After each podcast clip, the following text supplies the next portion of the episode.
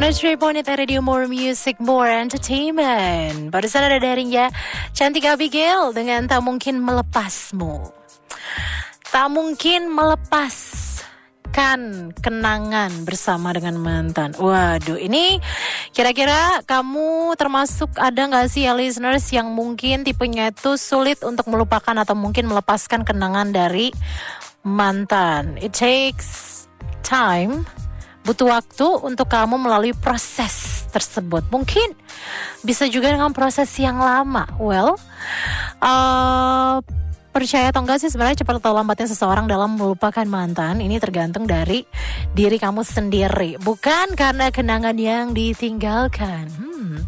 jadi ini sempat juga listeners jadi terbitin jadi sebuah penelitian sempat menunjukkan kalau uh, apa ya alasan kenapa sih ada orang yang susah untuk melupakan kenangan bersama dengan mantan. Jadi, saat seseorang merasa takut sendirian, dia itu akan lebih kuat memegang kenangan tentang mantan atau hubungan cinta di masa lalunya.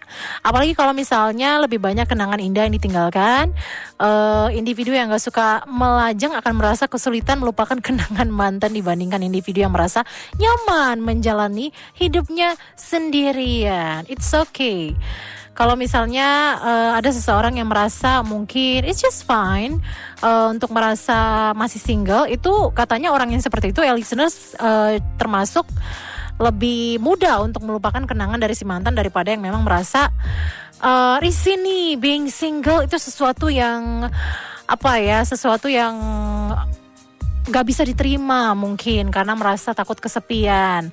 Uh, I don't like being alone seperti itu. Nah ternyata orang yang seperti itulah yang justru cukup sulit untuk melupakan kenangan bersama pasangan. Nah, uh, perasaan kesepian ini juga akan semakin menguatkan perasaan gak ingin melepas kenangan bersama si mantan. Uh, jadi kondisi susah move on ini pada akhirnya mencegah dirinya sendiri untuk menemukan pasangan atau orang yang lebih baik sebagai pasangan di masa depan. It's kind of different. Ini satu satu hal yang berbeda ya listeners kalau misalnya uh, mungkin kamu justru uh, udah melupakan kenangan bersama si mantan tapi belum menemukan orang yang tepat.